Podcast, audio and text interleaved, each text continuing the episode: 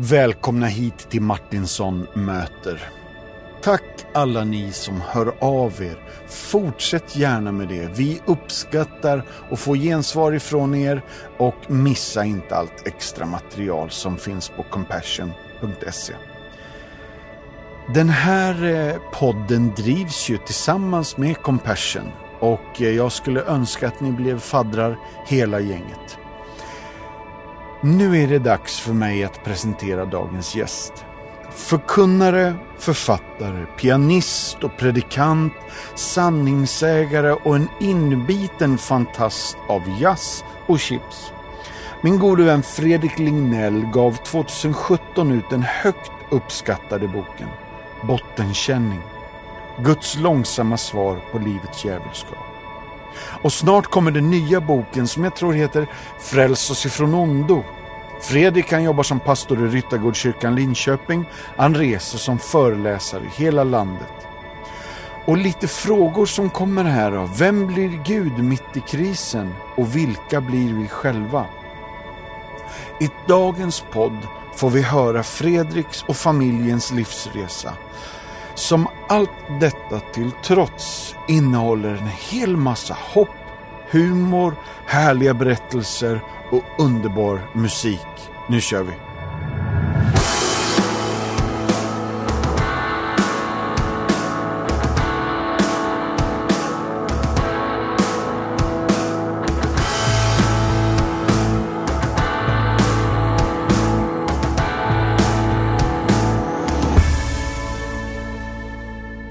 Välkommen hit Fredrik Lignell. Tack. Otroligt roligt att du är här. Jag tänker mig inte tio snabba, men det är tio. Eh, och du får ta den tid du vill med svaren här. Jag rullar igång bara rakt på. Kör på. Om du kunde välja att göra vad som helst, vart som helst, ett helt dygn. Vart skulle vi då hitta dig? Oj. Ja, men just nu är jag inne på vandring i ödemark. Ah. Så det är mitt spontana svar. Ja, men du, eh, om du får Och det är en välja ny tanke vilken också för mig. Ja, men ödemark vart som helst i världen då? Nej, men jag skulle gärna gå i svenska fjällvärlden. Ja, Kungsleden. ja, det, Jag kan ändra mig tills imorgon, men just nu är det det jag är inne på. ja. Och det var ju väldigt eh, vänligt coronasvar också. Eller att vi hur? håller oss hemma. Ja, ja. Det går att ta tåget. Ja. Men du, om du på riktigt fick vara en superhjälte, vilka superkrafter skulle du då ha? Alltså jag är ju så rätt obekant med den superhjältevärlden. Jag somnar ju snabbt på de filmerna alltså. Men, det så? Ja, det är så. Men... Det här kan bli känsligt. Då. Är det så? Ja. det är din grej eller? Mm. Okej. Nej men vilka krafter skulle jag ha då? Ehm, jag som alltid har sett dåligt. Jag måste ju säga något om, om synen då. Ja. Eh, en superkraft. Eh, eh, så, är det Stålmannen som ser rätt igenom alla? Ja, det, Ja, fast det, är, det finns ju risker med det också. jajamän. Ja. Det tror jag det finns med de flesta superkrafter. ja, eller hur? Ja. Eller hur? Ja, kanske därför vi inte har dem. Ja, kan vara så. Ja, Jag säger det. Röntgensyn. jättebra val. Tycker du det? Med den livserfarenhet som du har nu, vilket råd skulle du vilja ge ditt 18-åriga jag? Mm, det är en bra fråga. Mm. Våga ställa frågor och våga tro på din eh, intuition och din magkänsla lite oftare än du gör. Jag gick på några miner som ung vuxen som jag tänker att jag egentligen hade vissa aningar om att det här är, borde jag inte göra. Ja, Kan vi återkomma till. ja jättefint. Kan du minnas den första konserten du var på? Och sen kanske också en liten följdfråga. Den största konserten, fast kanske inte i publikmängd, utan i musikalisk upplevelse. Nej, men en tidig konsert, hyfsat tidig konsert som ju också är en av de största. Det är att jag var på Springsteen på Ullevi 85. 85! Den klassiska. Born in the I was USA-turnén. there. I was there. Stod på inneplan. Nej men Jo. hjälp. Ja, visst, Hela eller hur? Ullevi, Det knak. Alltså Ja, det var ju efter det man eh, stängde Ullevi. Ja. Ja, då var jag där. Det är klart, den är svårslagen rent liksom. Det var ju, in, det var ju intryck på så många sätt. Musiken men också hela upplevelsen liksom. Det kanske inte är den mest... eh, så här, det, det är ju inget finstilt med den. Nej, nej, nej, Det men- liksom, men det är klart, den var ju Oj, häftig då va? Ja, och du var 17. Jag var 17. Ja. Det var ju den första lite större sån arenaupplevelsen. Och det är ju svårslaget när det sker första gången liksom. Ja. Plus att han spelar ju i fyra timmar. Nej. Jo, det är ju så. Tre och en halv, fyra timmar. Fullt blås hela vägen. Det var häftigt. Det var häftigt. Men sen kan ju en... ehm, jag var på en otroligt bra jazzkonsert sent som för ett knappt år sedan i Stockholm. Som var löjligt bra. Det var ju mot, motsatsen till Ullevi kan man säga. Ja. Det var ehm, en, eh, en eh, polsk jazzpianist som heter Morster och så Lars Danielsson eh, på bas. Danska Lars Nej, Danielsson? svenske, Svenska? svenske Danielsson. Okej. Som ju är både basist och cellist. Ja. Ja, men du vet sådär som man sitter och bara flinar för att det är så löjligt bra liksom. Det var grejer. Det var ju Ullevis motsats. Ja. Men eh, Ja, men vad gött. den var fantastisk. Ja, men- och det finns Tänk att det finns så här bra musik. Liksom. Ja. Och en närhet också på en jazzklubb. Åh, ja, ja, jag förstår dig. Mm. Och om du kunde gått med i något tidigare eller ett nuvarande popband, vilket band hade du valt då? Oj. Vilket band. Men man tänker ju på de stora liksom. ABBA, Roxette, Metallica, Ja, Lordi? Beatles behövde ju ingen pianist. Jag spelade piano. Ja, ja. Eh, Eller också gjorde de det. De hade ju ingen. Nej, just. Jag kanske skulle erbjudit mig. Ja. De klarar ju det ändå, kan man säga. Men du. Nej, men, nej, men du, och du, och du får ju verkligen Vi önskar ju nu va? Ja. Det blev Beatles. Den låtkatalogen skojar man inte bort. Nej. Nej.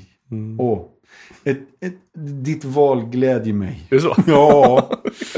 eh, nämn något ytterst märkligt som du har ätit. Haj, skallerorm, apa, marsvin. Ja, men jag har inte varit konstig- extremt äventyrlig. Jag har inte varit faktiskt. Ehm, jag har ätit saker som jag inte mådde riktigt bra av.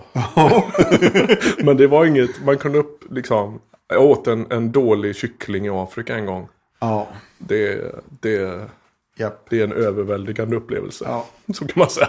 Japp. Men inte superkonstigt. Jag jag har inte ätit så här gräshoppor och uh, sådana saker. Nej. Och det känns lite skönt också. Ja, Tack. det räckte med den här kycklingen kan jag säga. Det var, det var oerhört eh, dåligt omdöme Ja. att äta den. Ja. Vi kan stanna där. Japp. Ja. Ehm, en trygg karaoke-natt med bästa vännerna. Vad blir ditt sångval då?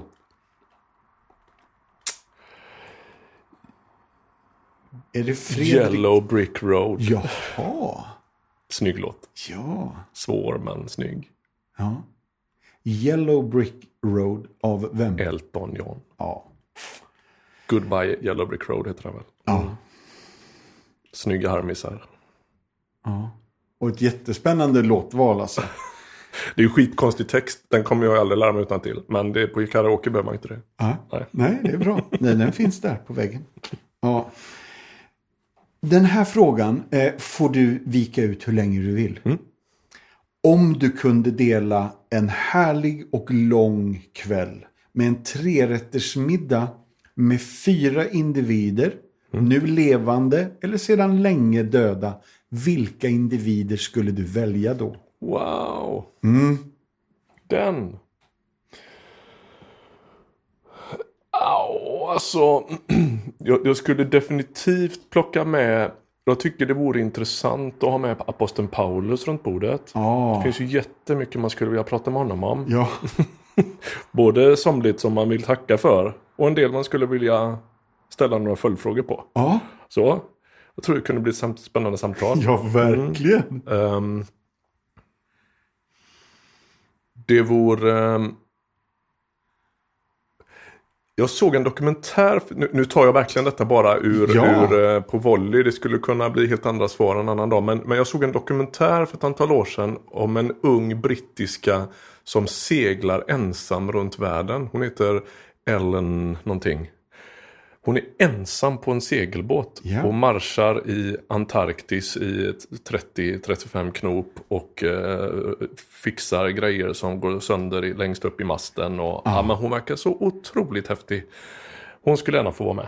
Bara för att jag blev så, jag, jag, det, fastnade någonting runt henne. Liksom. Ja. Vilken fascinerande person.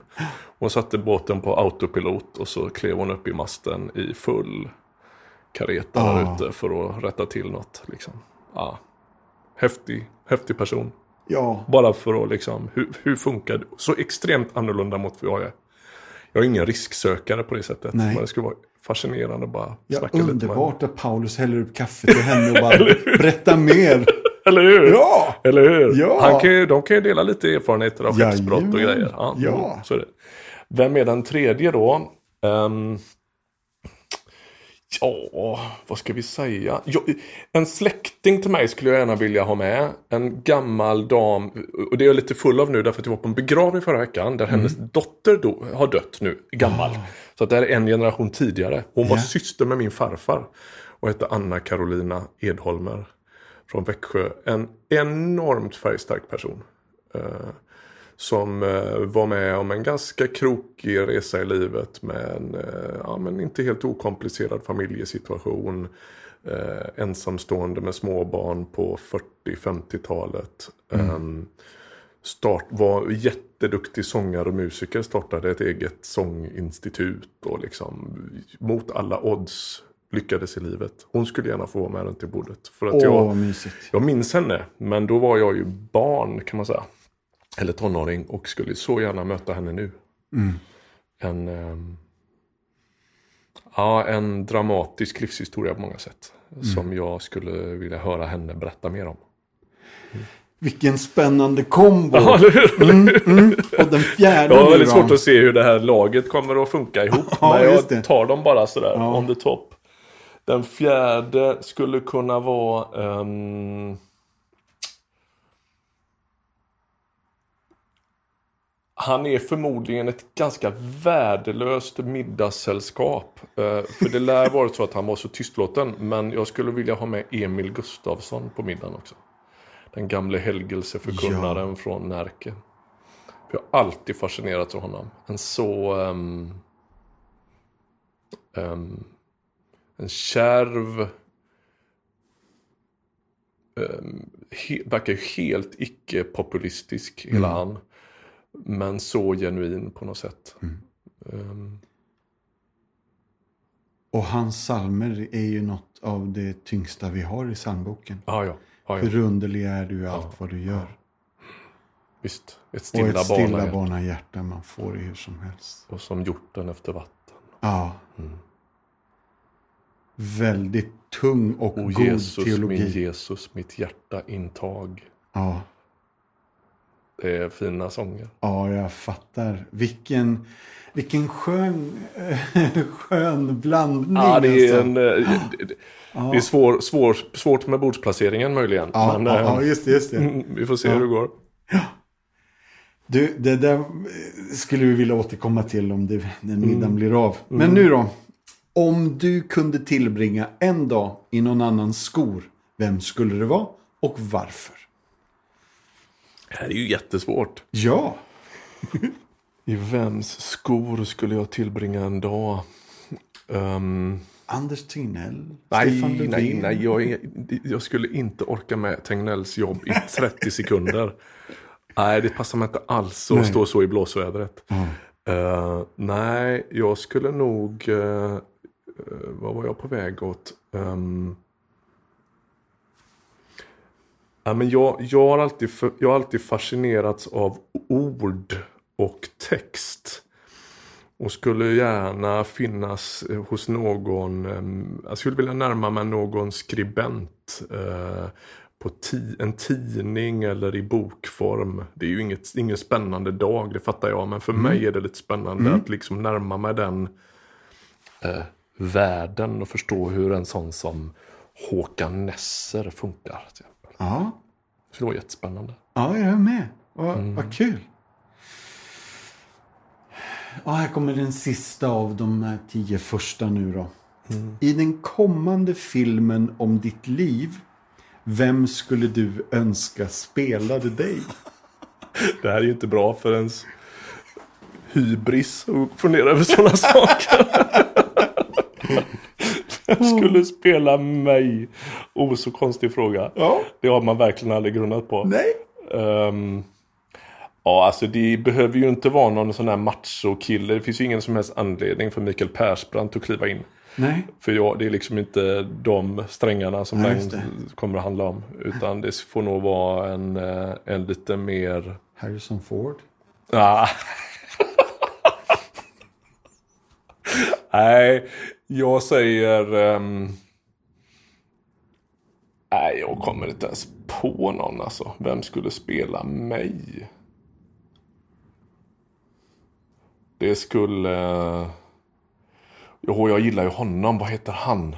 Som är med i Tjernobyl-filmen. Fares Fares. Nej, eh, den gamle forskaren där. Stellan Skarsgård. Nej, engelsmannen. eh, Harris.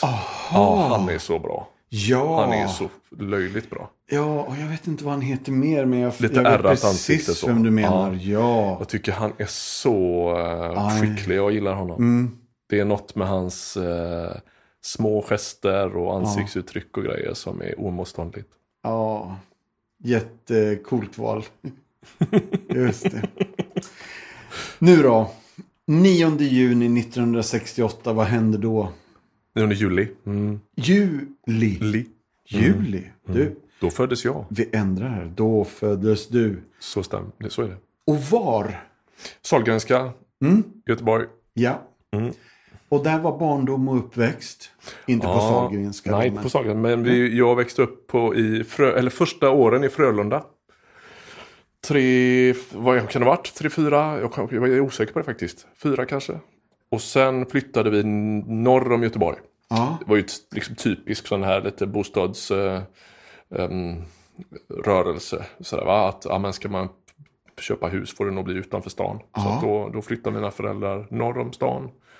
Till Ale kommun heter det ju där då. Så jag är uppväxt i en liten, så småningom i en litet samhälle som heter Skepplanda. Som ligger mittemellan Göteborg och Trollhättan kan man säga. ja. Där ju Göteborg var stan för oss. Det var ju liksom dit vi åkte. Just det. Mm. Alltså Frölunda, där, jag har ju bott där länge men vi måste ju definitivt ha missat varandra i Mm. Ja, några vi nog. årtionden. Ja, Jag eh, bodde på en gata som heter Bergkristallgatan. jajamän. Mm. Visst. Sådana gula tegelhus. Ja, jag bodde på Nävelursgatan. Nästan framme vid torget. Ja. Ja, vad gött. Ja. Du, och där kom ordet gött igen. Ja. Jag försöker vänja mig av med det. Men, men det, det kan hända ju. att det kommer Fredrik. Ja, det får gå då och då. Eh, när någonstans eh, kom du till tro? Växte du upp i en kristen familj? Alltså jag växte, in, växte inte upp med söndagsskola och, och barngrupper i kyrkan och hela den grejen. Nej. Eh, Däremot växte jag upp i en musikfamilj. Och då fanns ju kyrkan med på olika sätt. Mina föräldrar började sjunga i kyrkokör och ja, sådär. Och jag började så småningom sjunga faktiskt i en kör i kyrkan också. Jag, det- var så här att i Skepplanda så skulle alla kids spela fotboll. Så jag gick också med i Skepplanda BTK hette det. Ja. Och fick en träningsoverall, gul och svart. Och började spela fotboll. Och var helt obegåvad på det. Eh, Så att ganska snart insåg jag att det här är inte min grej. Mm. Och så började jag sjunga i barnkören istället. Ja. Vilket var mycket mer min grej. Där fanns dessutom alla tjejerna. Ja. Ja, du fattar ju. Ja. Vilken minstlott. Jag var typ nio. Eller något. Ja, och då var det så att med kyrkans barnkör, Svenska kyrkan där, så åkte man på musikläger på Å stiftsgård ute i Bohuslän. Ja. Så att jag och min lillebror, som inte heller platsade i fotbollslaget, vi, var så småningom med i barnkören båda två. ja. Och hade tjejerna för dig Ja, själva. skojar du? Ja. Så vi åkte på eh, barnkörläger på Å stiftsgård. Och för mig, jag minns hur jag tänkte när jag så småningom då kanske är 12-13 sådär att, men undrar om inte Gud bor på Å. För jag tycker att jag stöter på honom varje gång jag kommer dit. Det var Så tänkte jag. Ja. Ehm, och det var väldigt liksom, påtagliga andliga erfarenheter. Sådär, I en väldigt varm andlig miljö. En präst som hette Bengt Pleijel var, var liksom den som präglade miljön där ute på tidigt 80-tal. Sådär. Ehm, och så småningom då i samband med konfirmation och sådär så, så liksom hittade jag hem i, i en egen tro kan man säga. Gick med i ungdomsgruppen hemma i Skepplanda kyrka och ja, jag minns den kvällen jag gick dit första gången som en så tydlig hemkomst. Liksom. Här, det här är vad jag har eh, längtat efter utan att riktigt förstå det. Så jag missar nog i princip inte en fredag och inte en söndag på resten av min tonårstid tror jag. Yeah. Så att det var en jätte, så oerhört avgörande period för mig. Så. Och kom också in i en väldigt varm andlig miljö. Många ungdomar som kom med i samma veva sådär, under några intensiva år. Det var en stor ungdomsgrupp. Ja, Jag tänker i efterhand, vi hörde skitbra bibelundervisning av de bästa liksom, i Göteborgs stift. Sådär. Ja, Bengt Pleijel är ju Ja, ja. en legend. Ja. Alltså, verkligen. Och även prästen vi hade där, Åke, som betydde jättemycket för mig och var ett stort föredöme på många sätt. Och, och många andra.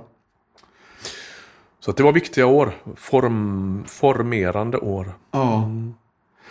Och v- var det här i någon svensk kyrklig grupp? Mm. Ja. Mm, var det. Så det var, min, det var min självklara hemvist under tonårstiden. Ja.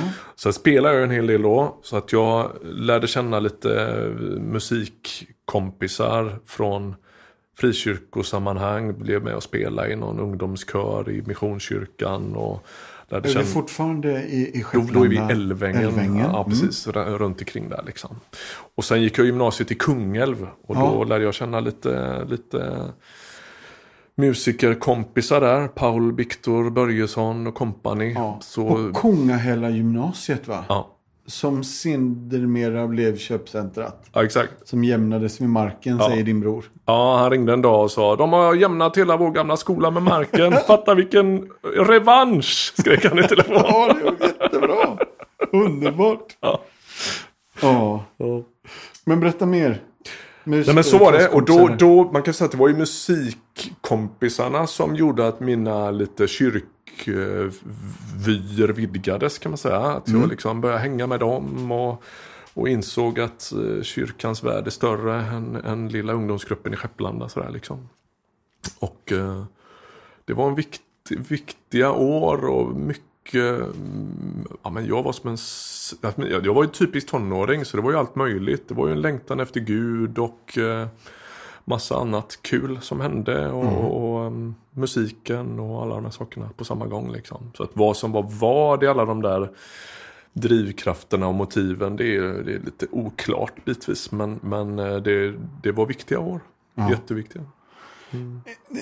Är, är det den här vevan det kan ha funnits en bild på dig på, på internet med, med Paul Victor Börjesson i Paris? Mm. Ja, Vi åkte och tågluffa. det var så? Ja. Ja. 80, vad kan det ha varit? 87 kanske? ja. Något sånt där. Ehm, jag var 19 år i så fall, ja. Mm. Då tog vi en månad och åkte och tågluffa genom Europa. Superkul. ja. Superkul. Ja, vi upplevde jättemycket. Och, och, både den resan var jätterolig. Jag gjorde en sån klassisk eh, Europatur på en månad kan man säga. ja.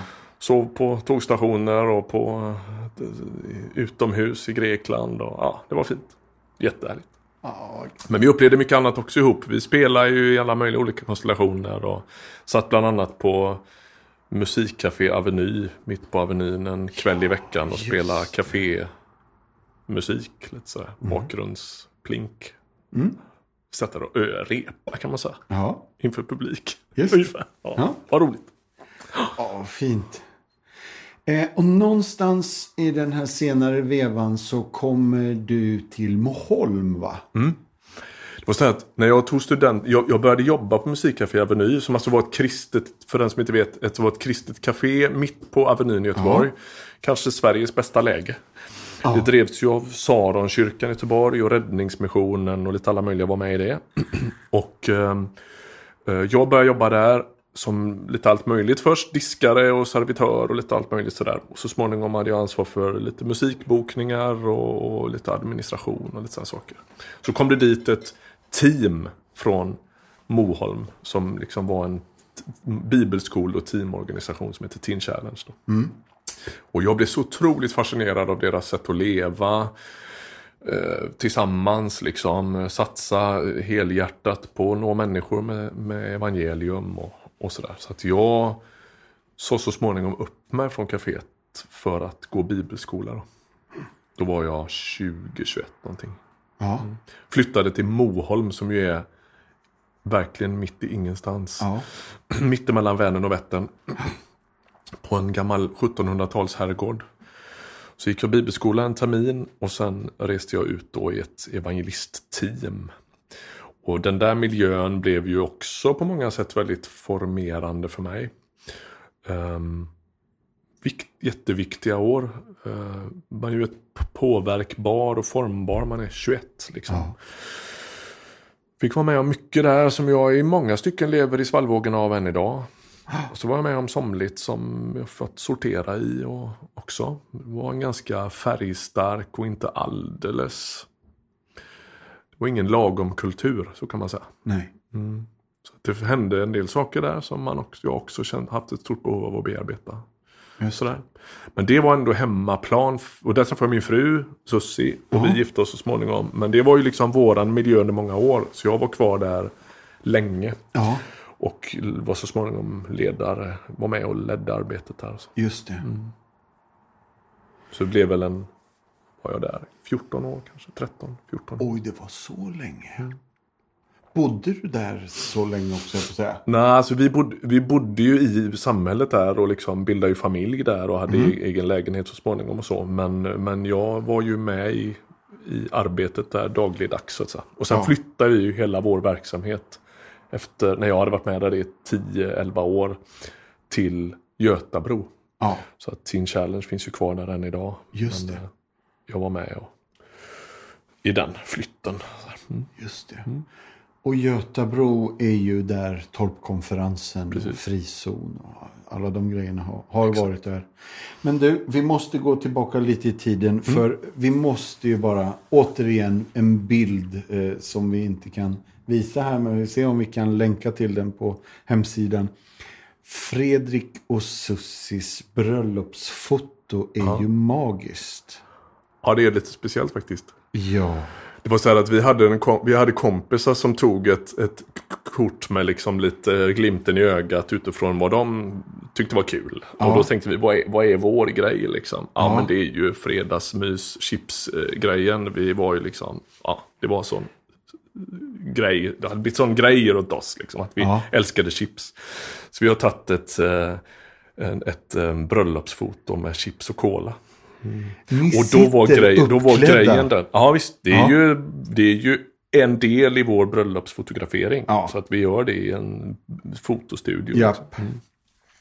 Och ehm, grejen var att fotot blev så lyckat så att ehm, fotografen lät ju förstora upp det i ja, men, en och en halv gånger en meter och rama in det och använde det som i någon, på någon fotoutställningsgrej. Liksom. Ja. Så när vår lite kompis att jag såg det där i fotoateljéns skyltfönster Japp. så köpte de loss det till oss. Och, så vi har ju det hemma.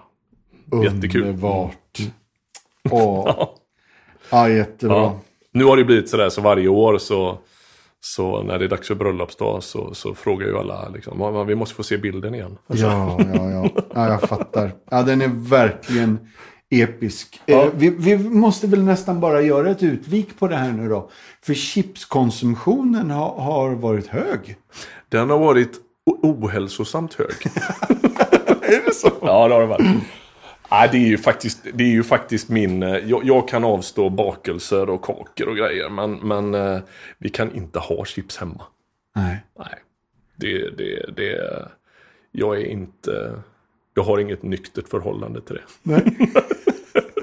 Har, har du och Micke Hallenius kunnat kre- prata öppet Ja, ja om vi det? har samtalat om detta mycket. Ja, Ja, ja. Vi, vi, det är varma samtal. Åh, vad fint. Det är bra. men jag kretsar liksom runt det där chipskåpet som en, eh, som en eh, knarkare. Ja. Nej, det går inte. Det är Nej. bättre att de inte finns där.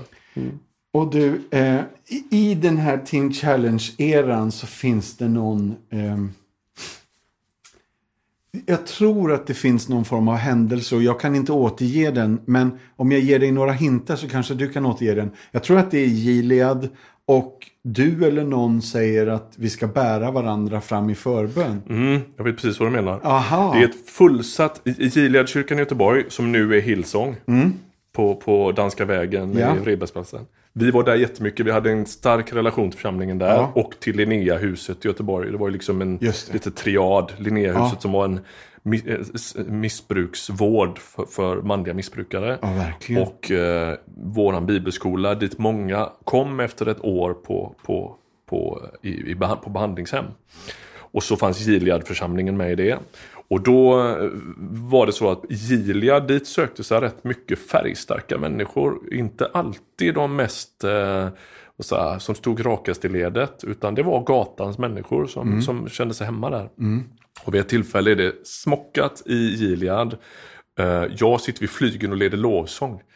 Och, eh, och, det, och, och, det är förbönstund i slutet. och plötsligt och då, sitter det, då, sitter, och då finns det en man där som är ett, ganska, ett, ett original får man säga som heter farbror Sven. En tunn liten farbror som inte är helt klar i huvudet. Eh, och så sitter han jämte en tung missbrukarkille som vi kände. Han har funnits på vår bibelskola och återfallit i missbruk. Och var liksom en ganska ärrad kille. Så. Eh, Och plötsligt mitt i det här lite dallrande eftermötet så kommer den här missbrukskillen ner för trappan som ju är framme i... På, den, man, den leder ju ner på estraden Ja, i kyrkan där. det. Med farbror Sven i famnen.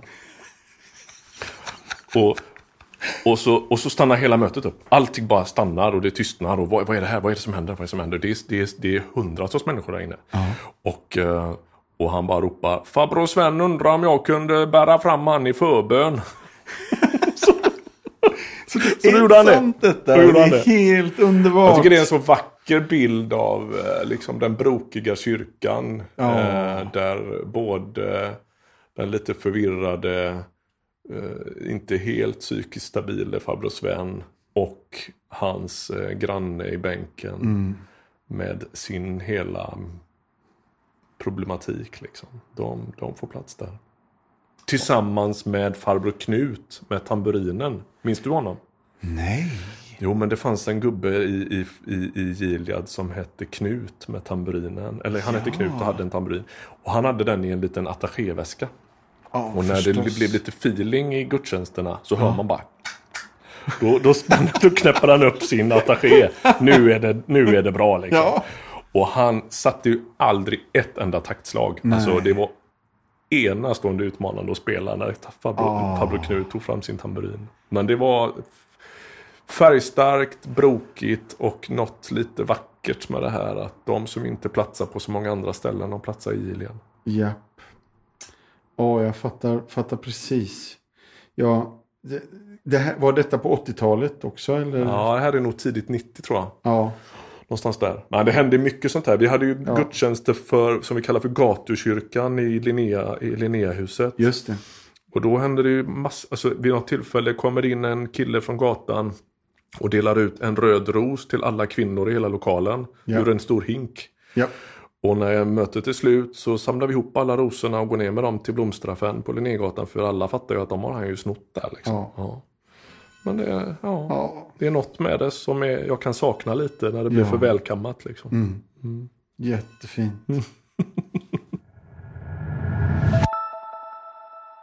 Nu skulle jag vilja bli lite personlig och berätta för er om Compassions arbete. Och idag vill jag använda en av de frågorna som folk ofta ställer till oss, nämligen varför fokuserar vi just på barn? Det finns ju så många olika behov i världen. Och förvisso finns det många behov, men det är människor som förändrar samhällen och barnen är vår framtid.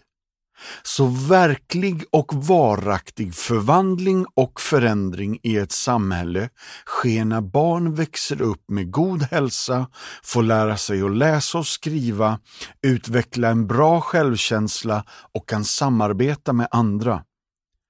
Det här är precis det som Compassion faktiskt hjälper till med. Är det någon av er som kommer ihåg Whitney Houstons låt på 80-talet? I believe the children are the future. Teach them well. Ja, ni, ja jag ska, det räcker så. Men det här är ju i en mening en kliché som vi ler lite åt. En smörig sång som egentligen, tycker vi då, inte säger så mycket om verkligheten. Men lyssna noga nu. Vi har sett denna förändring och förvandling. Där barn har gått ifrån hopplöshet till hoppfullhet, från trasighet till tillit och från tillit till tro. Så delar av den där Whitney-låten är faktiskt vår synliga verklighet nu. Förvandlade liv. På alla våra Compassion Center runt om i de 25 länder där vi arbetar lär sig barnen att de är älskade och de börjar sakta tro på sin samtid och hoppas på en meningsfull framtid när de inser att Gud vill använda dem för att hjälpa andra det är de här barnen som vi sedan får se växa upp och de blir kloka ledare i sitt land och ofta drivs de av en massa kärlek och en stark vilja att ge tillbaka av det de själva har fått del av. Det är ju här du kommer in. Det du ger kan hjälpa dem väcka liv i den verklighet som de här barnen kanske har slutat hoppats på. Du kan få vara med, lyfta det hopp som rasat, tända den eld som falnat. Någonstans i ett av de här länderna finns nämligen en av dina medmänniskor som behöver just din konkreta hjälp. Så lösningen på den låsningen är Bli fadder. Om du redan är fadder, grattis och tack! Skulle du vilja ta hand om ett barn till? För 310 kronor i månaden kan du hjälpa till med detta. Kontakta oss på compassion.se och bli fadder. Nu tillbaka till Fredrik. Eh, någonstans är vi nu då Team Challenge, Götabro och sen blir det Åbytorp. Mm. Pastor, föreståndare där. Pastor i eh, Betaniakyrkan i Åbytorp. Yep. Vi flyttar ju till Närke för att hela bibelskolan och vårt liksom, arbete flyttar dit. Och så fasar jag sakta men säkert över i en församlingspastorsuppdrag. Liksom. Mm. Mm. Och sen 2010 jobbar du i Ryttargårdskyrkan Linköping va? Mm. mm. Stämmer. Mm. Eh, jag vet inte riktigt hur jag ska göra nästa hopp här. Men jag har en märklig fråga som jag inte vet svaret på. Den innefattar en nyckelknippa som har tillhört en av dina lärare. Ah! Oj, du har efterforskat. Har jag det? ja, det stämmer. Oh. Jag, gick i, jag tror att jag gick i första klass. Oh. Och en dag försvinner frökens nyckelknippa som ligger på katedern. Den yeah. är bara plötsligt borta. Ja. Och det är ju naturligtvis lite allvarligt. Det är ju skolans nycklar och det är väl sannolikt hennes hemnycklar och bil och alltihopa liksom. Uh, och det blir lite liv om det där. Eller först blir det ju bara liksom, vart tog den vägen? Och hon samlar klassen och det är ju ingen som vet vad den är. Och, och rektorn kommer in och det är liksom lite krisdoft eh, över det där och det skickas brev hem och det, det, och det liksom, pågick det under en tid detta? En period, vet du. Några ja. dagar i alla fall. Ja. Jag, jag minns inte exakt. Och på något sätt tror jag att jag har hemma en, jag går ju ettan, men jag tror att jag har en sån här trampebil hemma. Och plötsligt ser ju mina föräldrar hur jag startar den med den här stora nyckelknippan. Då. Så det var ju jag som hade tagit den. Det är så mm. alltså? Så var det. Vilken, vilken underbar story. Men eh, det, det, det fick fröken tillbaka knippan. Och, det Och hon fick ut- tillbaka knippan och Ja. eh, det var, allting slutade lyckligt. Yes. Men det är klart det fanns, ja.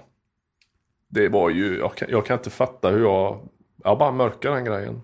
Satt Ja. med på alla krismöten och bara, nej jag vet inte. Vilken skön grej. Eh, jag, jag ska säga... Eh, först så säger jag en förkortning. Och så får du berätta vad den förkortningen betyder och vad den betyder för dig, gissar jag. Jag säger EST. Åh, Esbjörn Svensson Trio. Ja. Nej men för mig blir det inte bättre. Är det Eh, så? Ja, det är ju kanske världens bästa jazztrio. Yeah. Rent eh, objektivt alltså. Ja, ja, ja, visst. Nej, jag kan ju fortfarande, Esbjörn Svensson dog ju i en märklig dykolycka Ja. 2008 tror jag. Ja. Jag kan ju fortfarande, bara, nej, så värdelöst. Ja. Så en jazzmusiker kan ju vara produktiv tills man är 80 år. Liksom. Japp. Eh, nej, det kan jag fortfarande inte riktigt smälta. Nej. Så, jag blir aldrig klar med den musiken riktigt. Nej. Fruktansvärt bra. Väldigt, väldigt speciell eh, och groovig jazz. Mm. Precis. Och lite hybrid. Precis så. Det är lite hybrid va? Ja. Alltså, det kan ju nästan vara lite um, transartat. De kan ju Ja. liksom ligga och loopa på en, en och samma grej jätte, Ja. jättelänge. Um, tight, samspelt och extremt kreativt. Mot slutet också med inte så lite inslag av lite klassisk. Det är mångas mening att han liksom drog allt mer åt det hållet. Ja, och det var ju inte så urballat så att en popnisse som jag, det gick ju fortfarande att förstå det. För den konstjazzen blev ju väldigt konstig. Nej, precis så är det ju. Och sen är det ju lite olika då. Det finns ju Ja, ja. en del av deras grej, senare grejer är ju rätt luriga alltså. De, Mm. de har ju en skiva där de i princip inte har bestämt någonting. Mm. Det är bara improvisation när de kommer in i studion. Den är ju den är inte helt lättillgänglig. Nej, Det är ju inte vers, refräng, höjning om man säger så. just det. Det är ingen mello-vibe över den Nej. riktigt. Men, men det är också någonting med det där musik som inte är omedelbar är ju ofta mer slitstark tycker jag. Det man älskar vid första lyssningen tycker jag att sällan håller i längden. Liksom. Men det som erövras över tid är lite mer hållbart. Du, kan inte du berätta vad som hände när du fyllde 50? Det är två år sedan. Jag är pastor i Ryttargårdskyrkan som sagt och det är ju en ganska stor, stora nätverk. Och när min 50-årsdag närmade sig så tänkte jag, men vad gör man liksom? Jag kan ju inte ha öppet hus i radhuset. Det kommer inte att... Jag vet inte hur man gör det liksom. Jag kan inte bedöma hur det blir eller om det är Räkna hanterligt. smörgåstårta till alla dem. Nej men du vet, hur gör man det? Och, Ja och sådär. Så ja, men jag kände att jag ville göra någonting som var som gav lite mer, ja, men någon annan typ av, av eh, eftersmak än att bara skyffla ut hallongrottor liksom. Och då pratade jag med min gode vän Daniel Röjås. Eh, Och vi satt och fika och funderade på det där och sa men skulle man inte göra något annat? Och så föddes idén om att göra en musikkväll till förmån för EFKs missionsarbete. Evangeliska Frikyrkan som ju vår församling tillhör. Då. Så vi bjöd in till en insamlingsgala. Där alla möjliga kristna artister medverkar, bland annat din fru var ju med. Och ehm, fantastiskt roligt. Och vi samlade in 209 000 kronor. Till arbetet mot människohandel i Asien. Som ju är man räknar ju med att det finns tre riktigt liksom mörka handelsstråk i världen. Man handlar med vapen, man handlar med droger och man handlar med människor. Och det är ju en fullst... Det är, när man börjar sätta sig in i hur det är så är det ju sånt mörker. Och människohandel är ju flera olika saker. Det är sexhandel men det är också slavhandel i princip. Man Ja. kidnappar människor och sätter dem på en fiskebåt som aldrig går i land. Eller I människohandeln det finns också tvångsäktenskap ibland. Då, alltså att man, man våldför sig på människor på ett eller annat sätt. Ja. Eh, Man menar att människohandeln i världen omfattar fler, mer människor än vad slavhandeln mellan Afrika och USA gjorde. Just det.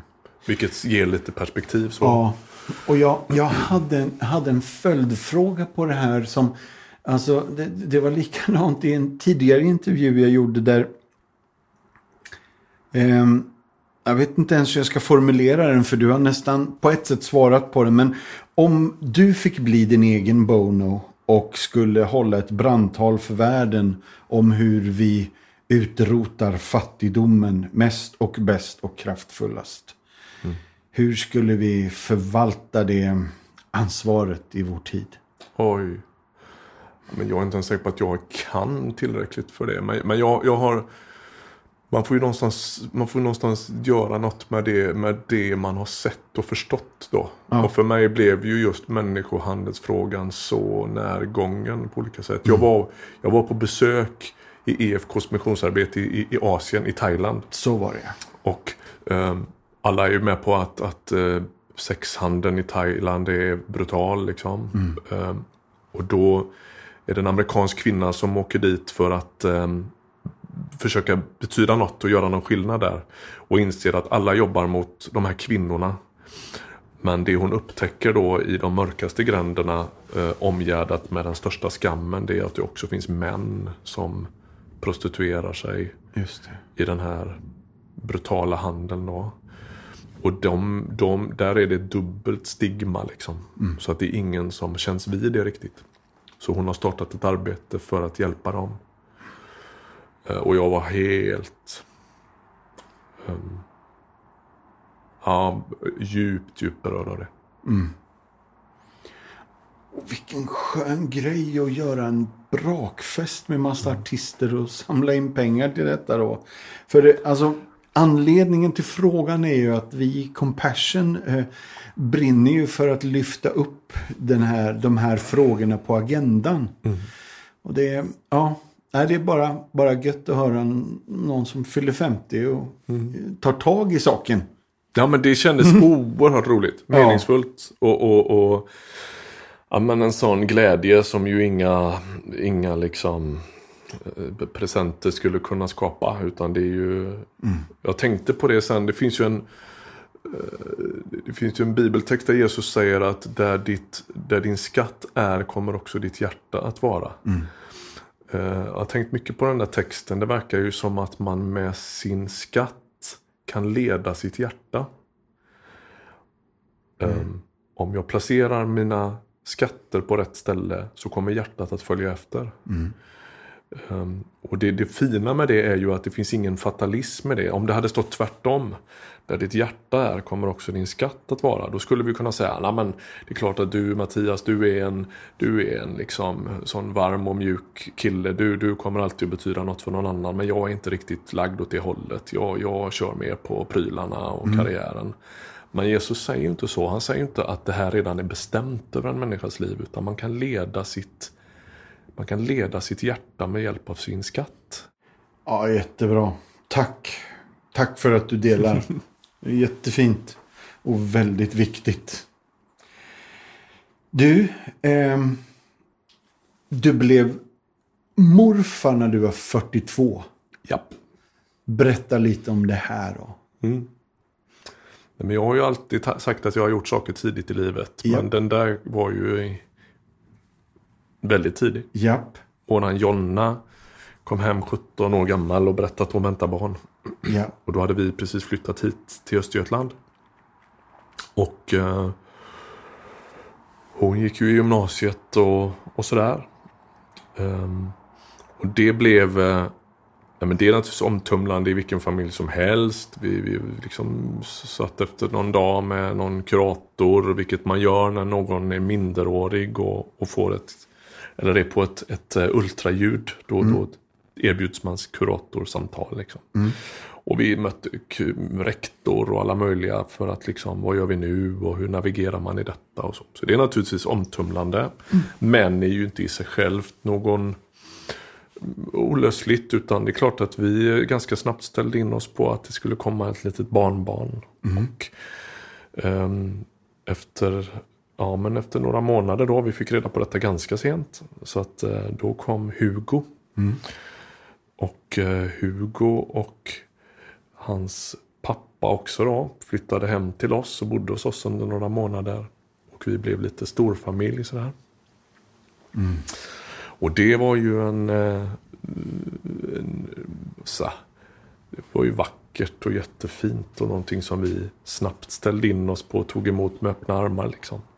Men det blev också startskottet kan man säga då på att våran dotter fick eh, ett antal år så småningom. Innan, han, innan Hugo fyllde ett år så var hon ganska svårt sjuk i eh, ja, men det vi lite, lite allmänt brukar kalla psykisk ohälsa. Ångest, depression, självskadebeteenden.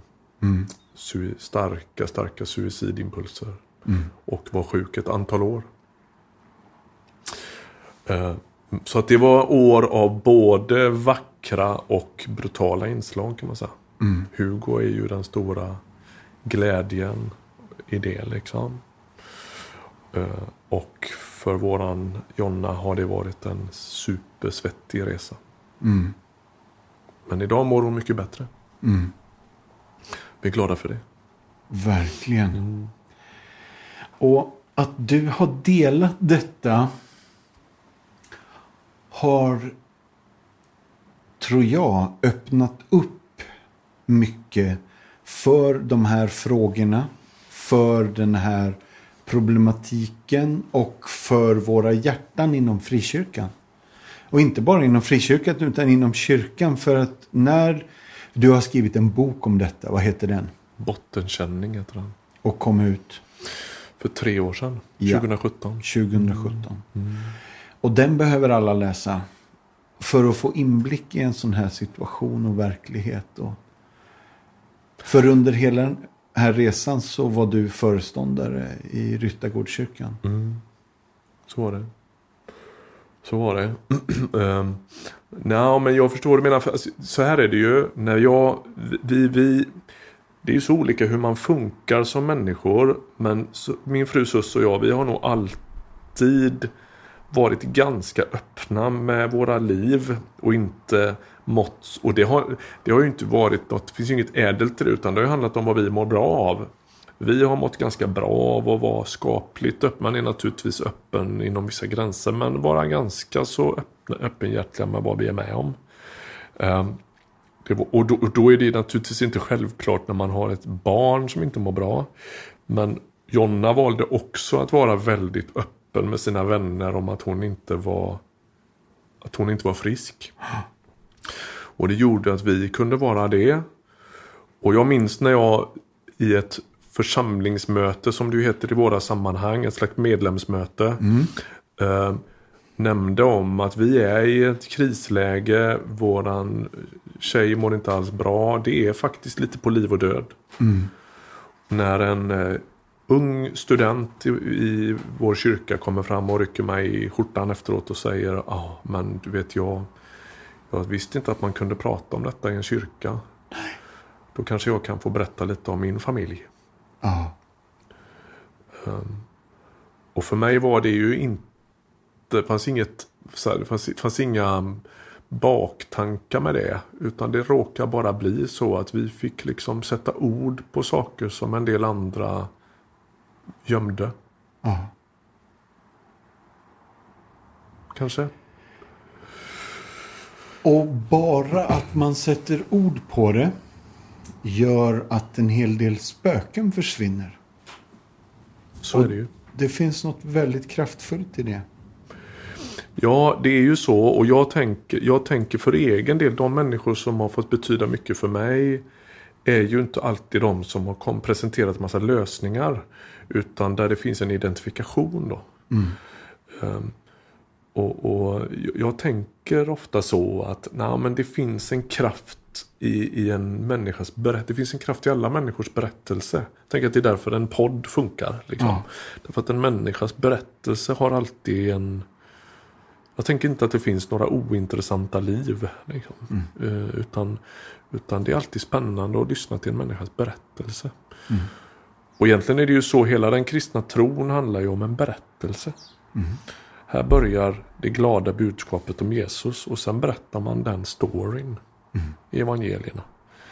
Ehm, inga övriga jämförelser, men, men du vet, alltså bra. en, en, en människas story eh, är alltid värd att berätta på något sätt.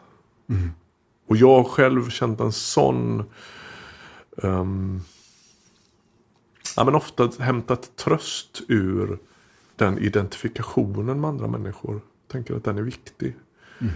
Ehm, någon sa en gång, jag tror inte att det är lidandet som är människans största problem, utan ensamheten. Jag tycker att det är bra sagt. Ja. Jag tänker vi kan hantera rätt mycket smärta om vi vet att vi inte är själva. Ja. Och då behöver man ju i någon mening bryta de här tystnaderna. Då. Sen är det ju en hel egen fråga hur det vad man säger och inte säger. och så. Just det. Hmm. Ja, vi är i alla fall väldigt tacksamma att du delar det du delar i boken. För det, den delgivningen ger hopp helt enkelt åt våra liv och våra situationer. Tack. Tack, fint att höra. Du är på gång med en ny bok nu. Mm. Kan du inte berätta lite om det innan vi går ner för landning här? Jag eh, skriver på en bok just nu tillsammans med en kvinna som heter Helene Westberg. Hon är legitimerad psykoterapeut. Och vi har fått i uppdrag av bokförlaget Libris kan man säga. Att skriva en bok om makt och maktmissbruk. Så den ska heta Fräls oss från ondo. Ja. Och i princip är den klar. Vi har lämnat ett manus till förlaget. Och eh, nu är det liksom fixet kvar här. Lite finlir och språkarbete och sådär. Och sen så är tanken att den ska komma här i oktober. Om allt går som det ska. Ja. Och tanken med det är att få skriva en bok om de här frågorna utifrån en slags kristen kontext. Eh, där våra respektive professioner, som hon som terapeut och mångårig van vid samtal och krishantering och så. Och jag utifrån då pastorsgärning och andlig vägledning och så. Ska fundera över vad är det som vaknar i våra liv liksom eh, av ja, men, eh, skam, ehm, lust att härska. Hur handskas vi med våra sår? Eh, är en maktperson stark eller svag? Det är den stora frågan. Eh, hur jobbar man med flyktbeteendena i sitt liv? Och, och så här. Vad, vad finns det för någonting i en destruktiv, giftig kultur som eh, gynnar en maktmänniska? Och hur får vi syn på det? Den typen av frågor jobbar vi med. Du, Och så speglar vi det Ja. mot hur använder Jesus makten? För han pratar ju jättemycket om makt. ja. Eh, Men han eh, använder den ju hela tiden baklänges. Liksom. Makt att förlåta, makt att bota, makt att undervisa och till sist makt att ge sitt liv. Så han blir hela tiden korrektivet om vi pratar kristen makt. Liksom. Ja. Hans Johansson har sagt det enda som kan frälsa oss från kärleken till makt är kärlekens makt. Det är bra sagt. Ja, sagt. oerhört viktigt Ja. formulerat och tung teologi i bara några ord Kärnfullt av Hans som vanligt. som vanligt. Fredrik, kan man läsa för mycket?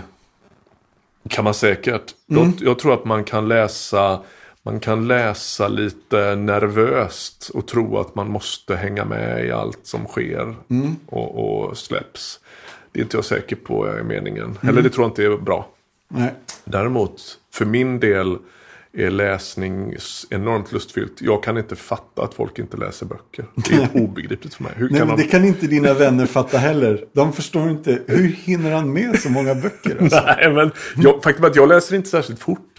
Nej? Jag är ingen, jag är plöjer inte böcker utan jag lever med böcker. Just. Så att jag, jag, jag är inte någon um, volymläsare egentligen. Nej. Utan däremot så lever jag, jag har alltid bok eller böcker på gång. Ja.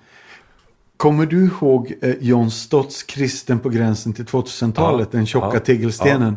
Lennart Törn kom in när jag jobbade i bokhandel en gång och sa Jag läste den igår kväll, den var jättebra. det, då kände jag Då blir man knäckt. Ja. Det är ungefär som Runar Eldebo som säger på sportlovet skrev jag en bok. Ja. ja, det är inget Nej, bra alls. det är kapacitet. Nej. Nej, det är inte jag. Jag läser inte en sån på en kväll. Nej. Utan jag tar lång tid på mig. Ja.